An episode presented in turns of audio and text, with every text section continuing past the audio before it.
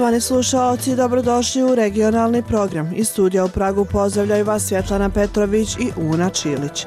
Na samom početku emisije podsjećamo na aktualnosti dana.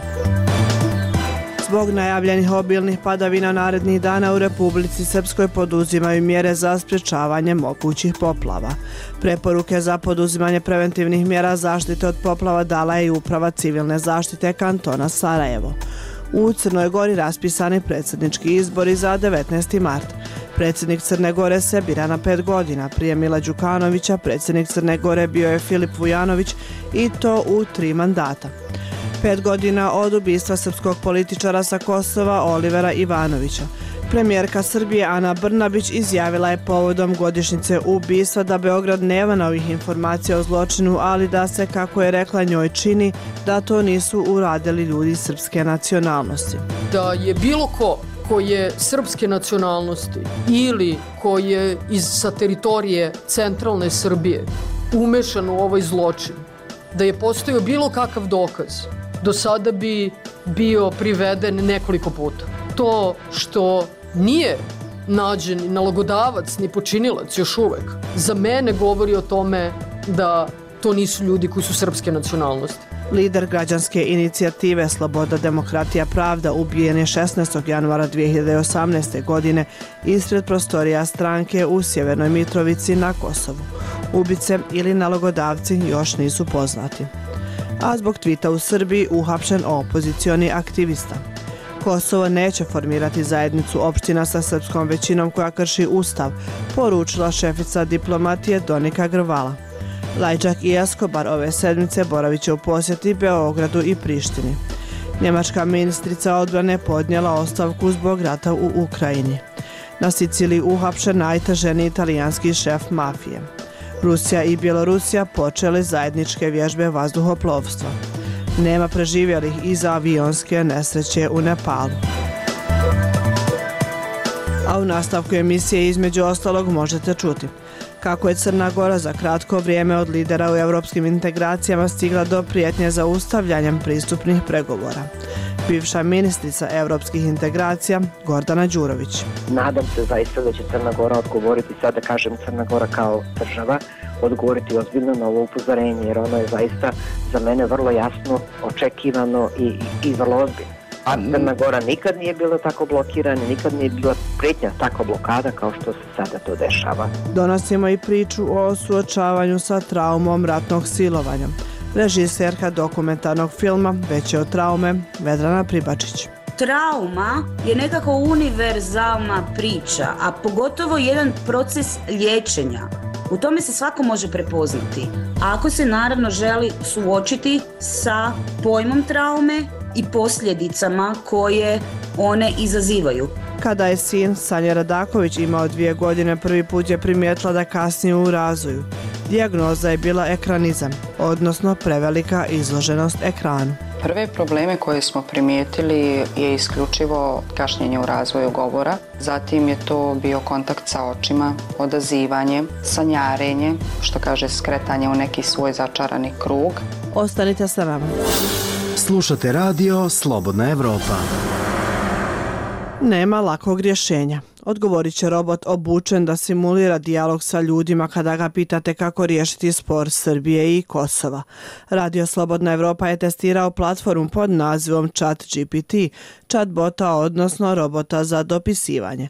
Šta su bili odgovori čućete u priči Nevene Bogdanović. Na platformi Chat GPT, novoj internet senzaciji, možete pitati šta god vam padne na pamet i dobit ćete neki odgovor. Ali zna li robot baš sve i može li biti relevantan izvor informacija, pogotovo o temama o kojima postoje sučeljena politička mišljenja? Radio Slobodna Evropa je u dopisivanju postavljao pitanja o odnosu Srbije i Kosova i na tom primjeru se pokazalo da odgovori nisu sasvim pouzdani. O aktuelnim dešavanjima na Kosovu ili bilo gde drugo u svetu, veštačka inteligencija nema informacije jer sistem nije ažuriran. Chat GPT odgovore daje na osnovu podataka koji su ubačeni u algoritam, ali su poslednji podati sa kraja 2021. godine. Kako platforma funkcioniše, objasnio je za Radio Slobodna Evropa Ljubiša Bojić iz Laboratorije za digitalno društvo na Institutu za filozofiju i društvenu teoriju u Beogradu. Kada mi interagujemo sa GPT-3. Mi u stvari razgovaramo sa nekom osobom koja ima mnogo e, znanja iz različitih e, online izvora, dakle neko ko je svestan e, velike količine različitih podataka, kao da razgovaramo sa osobom. Robot je za svega nekoliko sekundi davao istorijski pregled konflikta i statističke podatke o Kosovu i Srbiji. Takođe, sugerisao i moguća rešenja spora. Ipak kompanija upozorava da chat GPT može davati netačne ili problematične odgovore i pokazati pristrasno ponašanje. Korisnici nam mogu slati povratne informacije o netačnim odgovorima. Pažljivo procenjujemo ove podatke i planiramo da redovno ažuriramo sistem. Poručuje iz kompanije OpenAI. Sistem funkcioniše tako što ukucate željeno pitanje i na odgovor sačekate par sekundi. Dopisivanje je isključivo na engleskom jeziku. Ako ne zna odgovor na vaše pitanje, robot će to i priznati, odnosno reći da nema odgovor. Ja sam samo kompjuterski program i nemam lična mišljenja ili uverenja, tako da sve odgovore koje dam treba posmatrati isključivo iz neutralne i činjenične perspektive. Jedna je od napomena iz dopisivanja. Ne postoje laka i direktna rešenja, odgovor je na pitanje kako bi robot rešio višegodišnji spor Srbije i Kosova. Prema oceni robota, rešenje će zahtevati kompromis i volju obe strane i verovatno uključiti niz teških i osetljivih pitanja, a upozorava se da za obostrano prihvatljiv ishod može biti potrebno vreme. Dao i konkretne sugestije kao što su nastavak pregovora, sporazumi za izgradnju poverenja i ekonomske inicijative koje se fokusiraju na bolji kvalitet života građana Kosova i Srbije. A šta kad robot da potpuno netačan odgovor? Na pitanje ko na Zapadnom Balkanu podržava stav Srbije oko Kosova, na četu se dobija odgovor da je to pored ostalih Crna Gora. Sledeći je odgovor da Crna Gora nije priznala nezavisnost Kosova, iako je to učinila još 2008. godine. Kada mu je napisano da to nije tačno, usledilo je izvinjenje robota. Izvinjavam se ako informacije koje sam dao nisu bile tačne ili korisne. Nema mogućnost da proverim tačnost informacija koje dajem, pa je moguće da neke budu tačne ili nepotpune. Radio Slobodna Evropa je kompanija OpenAI uputio pitanja. Da li će ispraviti netačne odgovore i da li planiraju da u odgovorima navode izvor informacija, što sada nije slučaj. Konkretan odgovor kompanije nije stigao, već su nas uputili na opis programa ChatGPT koji je dostupan na zvaničnom sajtu. Izvori koje algoritam koristi međutim nisu pobrojani, a na sajtu kompanije je opisano da su koristili ogroman broj podataka sa interneta kako bi robota obučili za dopisivanje. Za Radio Slobodna Evropa iz Beograda Nevena Bogdanović. Ministar odbrane Srbije Miloš Vučević rekao je za Radio Slobodna Evropa da sigurnosne agencije Srbije prate i analiziraju sve informacije u vezi sa objavljenim snimcima i fotografijama navodno boraca iz Srbije koji su se priključili ruskim jedinicama u ratu u Ukrajini. Na društvenoj mreži Ve kontakte sredinom januara objavljene su fotografije na kojima se navodno vide srpski borci koji su stigli u Zaporošku oblast u Ukrajini. Slušamo Sonju Gočanin. Vučević je rekao da je država vrlo jasna da je zabranjeno učešće državljana Srbije u svim sukobima u drugim državama. Ljudi koji su hrabri, odvažni, koji vole da pokažu svoje borbene sposobnosti su uvek dobrodošli u jedinice Vojske Srbije i Ministarstvo unutrašnjih poslova Republike Srbije, tako da svi oni koji imaju taj patriotski pozitivan, ja reći ću naboj, imaju prostora to da pokažu u našoj vojci i u našoj policiji. Borba na stranim ratištima je inače krivično delo u Srbiji. U objavi na društvenoj mreži V kontakte navodi se da su srpski borci došli u Ukrajinu i da su deo ruskog bataljona Pavla Sudoplatova. Radio Slobodna Evropa nije uspeo da potvrdi identitet i poreklo ljudi na fotografijama, jer se većini ne vide lica. Takođe nije moguće ni utvrditi lokaciju i vreme nastanka fotografija.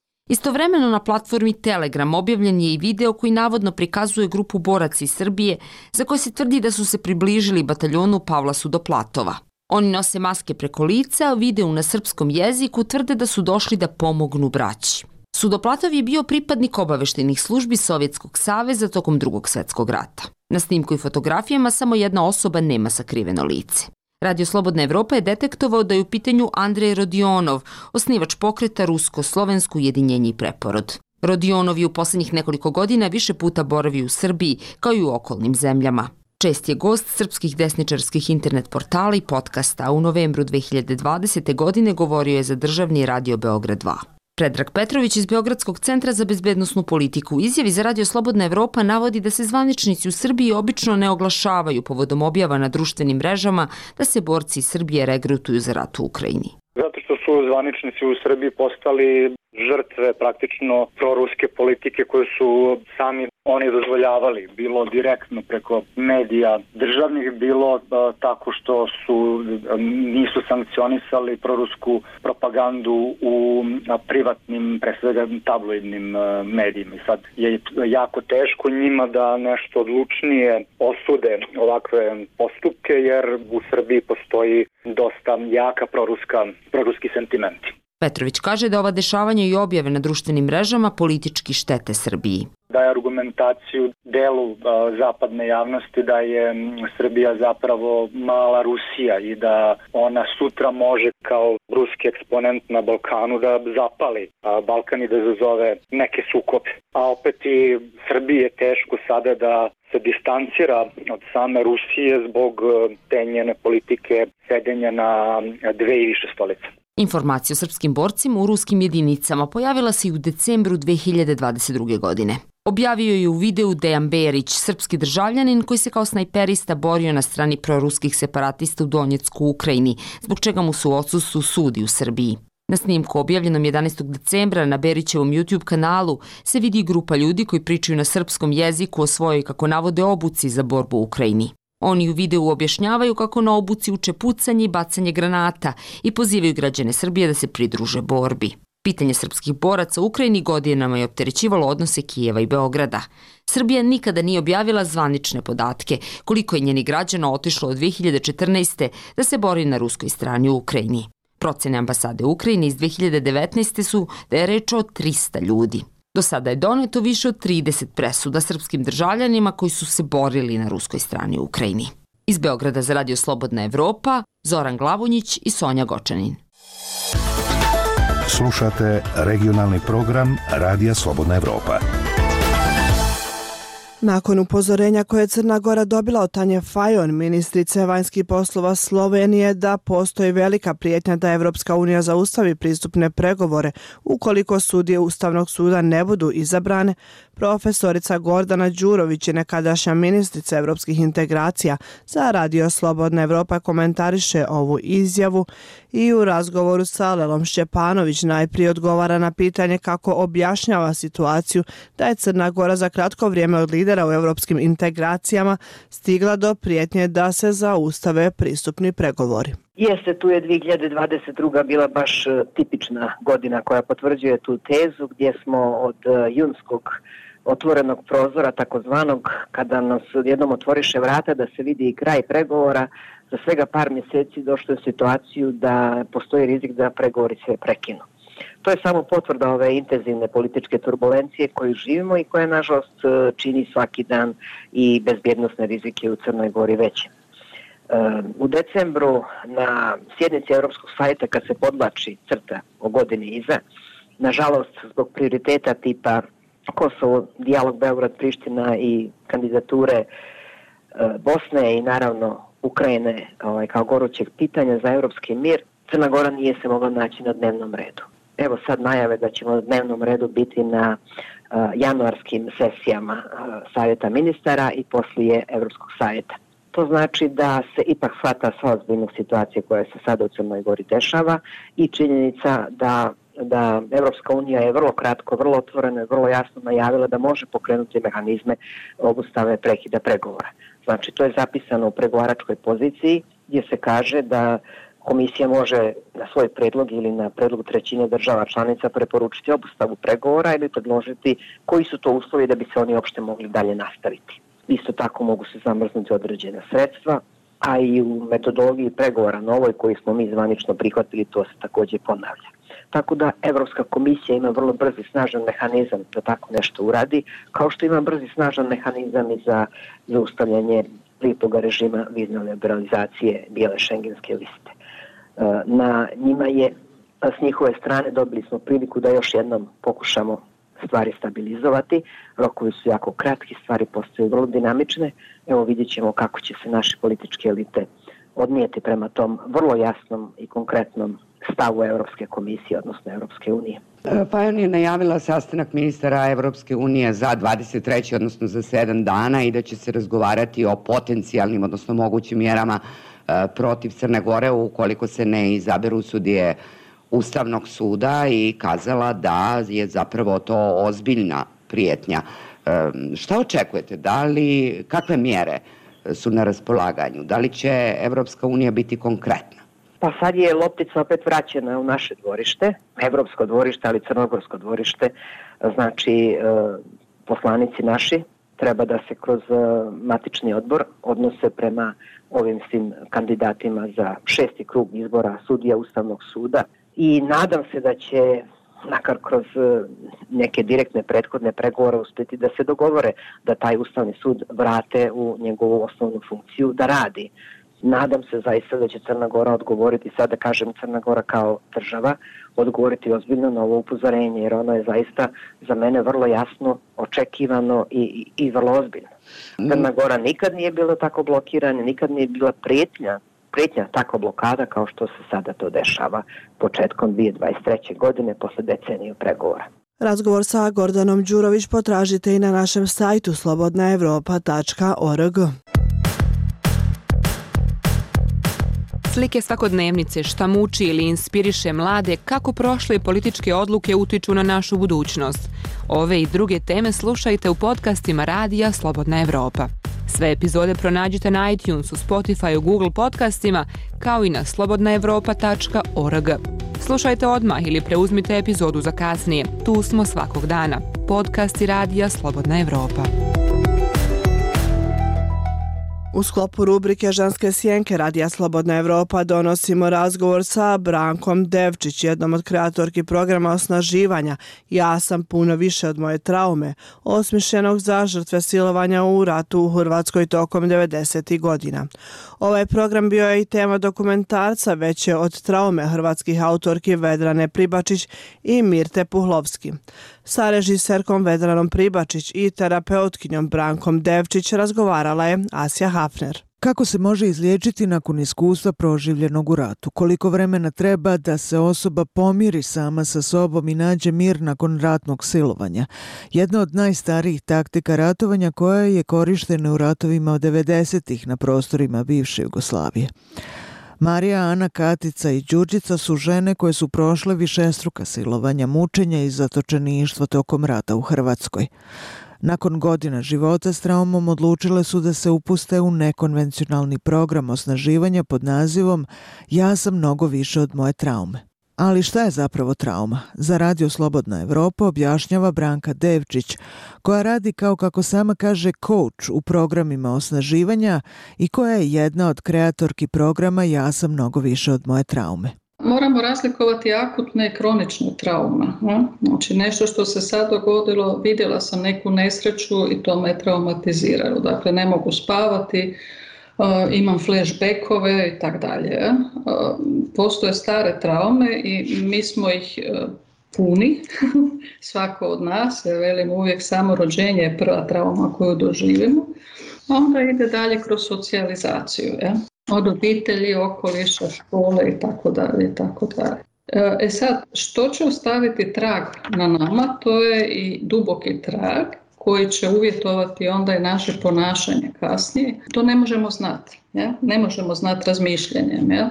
To su zapisi koji ostaju na neurološkoj razini. Ja? Tako da bilo koja slična situacija um, ili slični događaj okida tu traumu.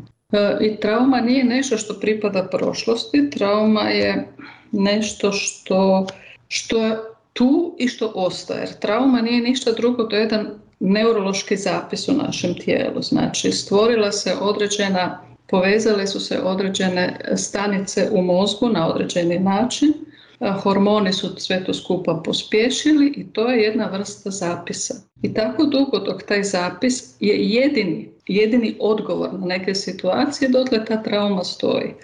E sad, ono što je dobro napraviti, što treba napraviti je da se stvore novi zapisi kroz nova iskustva u sličnim situacijama. Jer trauma nije ništa drugo, to je jedan normalni odgovor na jedan abnormalni događaj. Rekla je Devčić, režiserka filma Veća od traume Vedrana Pribačić kaže kako film daje jednu drugu perspektivu na traumu. Koliko god da je naša tema, povod je bio nekakva ratna trauma, zapravo trauma je nekako univerzalna priča, a pogotovo jedan proces liječenja U tome se svako može prepoznati. Ako se naravno želi suočiti sa pojmom traume i pojmom i posljedicama koje one izazivaju. Ono što je meni Mirti bilo važno je da vidimo kad vam neko da tu neku dijagnozu PTSP, to je kao da vas mi je stavio neki od načelo neki znak. Vi ste PTSP, više se ni ne predstavljate kao Marija, Ana ili Vedrana, nego ja sam to, ja imam tu dijagnozu. Ono što mislim da daje naš film daje jednu, jednu drugu perspektivu na traumu, jer trauma koliko god strašno bila je zapravo može biti jedan početak. Početak iz kojeg ćemo napraviti neke promjene i promijeniti perspektivu i zapravo si poboljšati svoj život. Naravno, ovisi o težini traume i ovisi o pomoći koju možete dobiti. Rekla je za Radio Slobodna Evropa Vedrana Pribačić. Više o ovoj temi potražite u tekstu pod naslovom Žene veće od traume kako preživjeti ratno silovanje na slobodnaevropa.org. Ovo je regionalni program Radija Slobodna Evropa. Slušajte nas svaki dan u 18 i 22 sata. Istraživanje o medijskim navikama djece u Bosni i Hercegovini pokazuju da djeca u prosjeku provedu skoro 3 sata dnevno uz mobitel, televizor i računar. Stručnjaci upozoravaju da se vrijeme provedeno pred ekranima sve više povećava i negativno utiče na razvoj djece. Detaljnije, Gojko Veselinović. Kada je sin Sanje Radaković iz Banja Luke imao nepune dvije godine, prvi put je primijetila da kasni u razvoju, Odlaskom kod stručnjaka ustanovljena je dijagnoza ekranizma, odnosno prevelike izloženosti sadržajima na ekranu. Luka je bio izložen dosta ekranu i sa tetama, i zbog obaveza, posla i on je negdje tu skretao. Mi roditelji e, ne shvatamo nekada pravimo nesvjesnu grešku. Ono što je najbitnije da svi mi roditelji prepoznamo problem na vrijeme, da na vrijeme reagujemo. Prve probleme koje smo primijetili je isključivo kašnjenje u razvoju govora. Zatim je to bio kontakt sa očima, odazivanje, sanjarenje, što kaže skretanje u neki svoj začarani krug. Istraživanje regulatorne agencije za komunikacije i UNICEF-a u BiH, medijske navike djece i stavovi roditelja pokazuje da 7 od 10 djece uzrasta do 3 godine svakodnevno gleda TV program, četvrtina svakodnevno koristi pametni telefon, dok 14% djece ovog uzrasta svakodnevno ide na internet. Saša Bubalo, defektolog, kaže da joj dolazi mnogo djece najranijeg uzrasta koja su gledala crtane filmove po 3-4 sata dnevno. I zapravo šta je problem? Što upravo u ovoj prvoj fazi dolazi do problema sa pretjeranom izloženošću ekranima, gdje zapravo jel te ne dolazi uopšte do kvalitetne uopšte obrade informacije svijeta oko mene,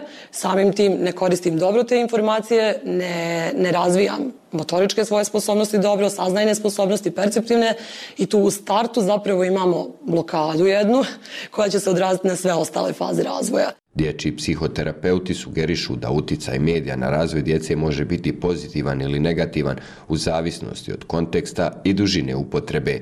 Ankica Baković, neurofeedback terapeut. Nužno da roditelj sjedi pored svoga djeteta, prati sadržaj na ekranu, isto to ponavlja u živoj interakciji sa svojim djetetom i zajedno komentiraju sadržaj na ekranu. Problem je dakle kad e, roditelj uzme dijete, sjedne ga ispred ekrana, upali mu nekakav sadržaj koji se može nazivati edukativni, e, vjerujući da će dovoljno biti da dijete sjedi ispred tog sadržaja i da razvija svoje kognitivne sposobnosti. Za liječenje ekranizma potreban je čitav tim ljudi od pedijatara, defektologa, logopeda do psihoterapeuta. Ipak najvažnije je preuzeti odgovornost kao roditelj, smatra Ranko Rajević, magistar neurofiziologije. Dete što više vremena provodi za, za ovim ekranom, manje se kreće. Tako da roditelji jesu odgovorni i savjet jeste što više u parku, u prirodu, iskoristite vikend. Znam da su roditelji zauzeti, ja sam bio, ali imati dete je danas ozbiljna obaveza. Nekad je tu bila baka, deda, sesko domaćinstvo, danas toga nema. Znači mi moramo, ako već imamo decu, da odujemo naše vreme, da ih izvedemo, da trče, da skaču, da se vrte, makar sat vremena svaki dan, a vikendom neka se napri neki izgled da deca provedu u prirodi. Sanja Radaković poručuje kako roditelji moraju biti primjeri postaviti djeci jasne granice. Ističe kako sada njen sin Luka ide u školu, druži se sa vršnjacima i ponaša u skladu sa svojim uzrastom. Vrijeme pred ekranima je rijetko i strogo kontrolisano. Vi ako uzmete telefon i dijete će tražiti telefon. Vi ako uzmete knjigu i on će tražiti knjigu, slikovnicu, bilo šta. Ako pišete, radite nešto. Naravno, svima nama treba telefon i prosto nam je to svakodnevnica. Ali da se to dozira, da se zna zašto je telefon, da se zna zašto je laptop i tako dalje. Da se to koristi za neke druge stvari. Prema istraživanju o medijskim navikama djece, uz ekrane provode gotovo 3 sata dnevno, vikendom i duže, čitajući knjige, časopise i slično, provedu tek oko 40 minuta dnevno. Za radio Slobodna Evropa iz Banja Luke, Gojko Veselinović. Zanima vas što se dešava u regiji? Sve možete naći na slobodnaevropa.org. Hrvatske vlasti provode istragu o okolnostima nestanka jahte duge 35 metara iz marine na jednom dalmatinskom otoku prije tri mjeseca. Jahta je bila blokirana zbog evropskih sankcija njenoj vlasnici, osobi bliskoj ruskom predsjedniku Vladimiru Putinu. Upućenima nije jasno kako jahta mogla nestati, a da to niko nije primijetio. Pripremio Enis Zebić. Još uvijek utvrđujemo okolnosti nestanka jahte. Znamo svi da je nestala pod još uvijek nerazjašnjenim okolnostima. Kazao je novinarima ministar mora i prometa Oleg Butković na pitanje o okolnostima nestanka luksuzne jahte Irina Vu, koja je 6. listopada prošle godine otišla iz marine u Betini na Morteru, otoku u Srednjoj Dalmaciji. Jahta je bila blokirana odlukom međuresorne stalne skupine za primjenu i praćenje međunarodnih mjera ograničavanja, jer su njena vlasnica Ruskinja Irina Viner Ališanov i njen suprug ruski tajkun Usman Ališanov oboje pod europskim sankcijama zbog povezanosti sa ruskim predsjednikom Putinom. Vidjet ćemo što se tu dogodilo. Mi smo temeljem odluke tog tijela nju blombirali i naravno da se takav čin nije smio dogoditi. Ali da se dogodio jedan čudan događaj, to je istina. Ne mogu sad još nikoga optužiti, ne mogu nikoga prozvati. Kronologija ovakva, iako nije smjela, luksuzna 35-metarska jahta Irina Vu, model Sunseeker Predator 115, isplovila je prema internetskim servisima koji satelitski prate kretanje brodova iz Betinske marine 6. listopada 22. u 10.14, a 9. listopada oko podneva bila je u turskoj egejskoj luci Didim. Od 11. listopada u 8.35 njoj se na tim servisima gubi trag. Javnosti hrvatske vlasti zato su saznale tri mjeseca kasnije ovog vikenda. To je jedna od pet jahti ruskih oligarha povezanih sa Putinovim režimom koje su nakon ruske agresije na Ukrajinu u veljači prošle godine blokirane u hrvatskim lukama. Poznavatelj ove problematike, urednik specijaliziranog portala Morski HR Jurica Gašpar, kaže za naš program kako mu definitivno nije jasno kako je ta jahta mogla nestati, od činjenice da u marini postoji video nadzor do toga da je morala proći pola Jadrana do izlaza u otvorene vode, a da je nitko ne primijeti. Ni vojska, ni policija, ni obalna straža. Ne može se dogoditi da vi prođete po Jadranu da se jedan takav brod ne vidi. Osim ako je isključio AIS, onaj identifikacijski uređaj, a onda bi direktno krši zakon, ali onda bi se vidio radarima. Mi imamo najmoderniji sustav radarski u ovom dijelu Europe za more. On priznaje kako mu još nije jasno treba li se ovom čuditi ili ne treba. Ja sam ovako duboko iznenađen da se tako nešto može dogoditi, ali s obzirom da smo mi država u kojoj je u sred glavnog grada pao dron iz Ukrajine i da nismo to mogli na vrijeme detektirati i srušiti, mene više ništa neće. Po njegovom sudu sustav nije dorečen jer ako nešto skupo cijeno zapljenite, morate to i čuvati. Ne da dežura policajac kod njih, ali barem da se osiguraju kao nekakva vitalna imovina koja će se sutra morati ili prodati ili će morati garantirati za nju, onda to treba nadzirati koragu. Ne razumijem uopće kako su oni mislili zaplijeniti neki takvi skupi objekt, a ne štititi ga. Za radio Slobodna Evropa iz Zagreba, Enis Zebić.